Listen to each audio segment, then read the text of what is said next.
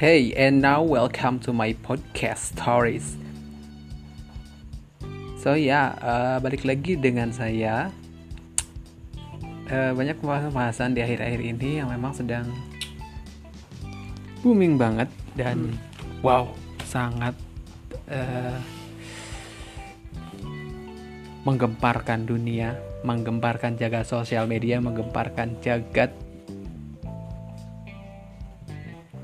jagat jagat jagat mana aja. Sekarang saya mau sedikit berbagi cerita dengan kalian semua yang ada di sini.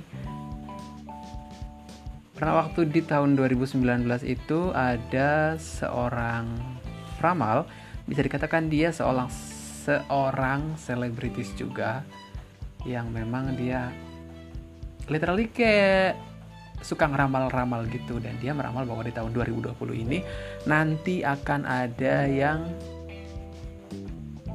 uh, masuk penjara atau pembinaan. Dan siapa yang masuknya itu? Dia berkata bahwa yang masuknya itu adalah kalangan-kalangan daripada pegiat seni atau artis katakanlah yang terkena kasus narkoba. Dan boom. Sekarang kalian tahu siapa yang masuknya? Ya, dia sendiri yang meramal nanti 2020 itu akan banyak sekali artis yang masuk penjara karena narkoba dan salah satunya itu adalah dia.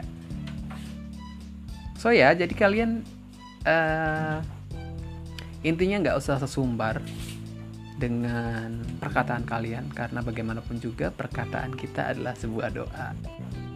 Asik. Oke jadi segitu dulu dari saya. Semoga ini bisa menginspirasi kita semua. Semoga ini bisa menjadi pembelajaran kita semua ke depannya Agar tidak mudah untuk sesumbar kepada seseorang. See you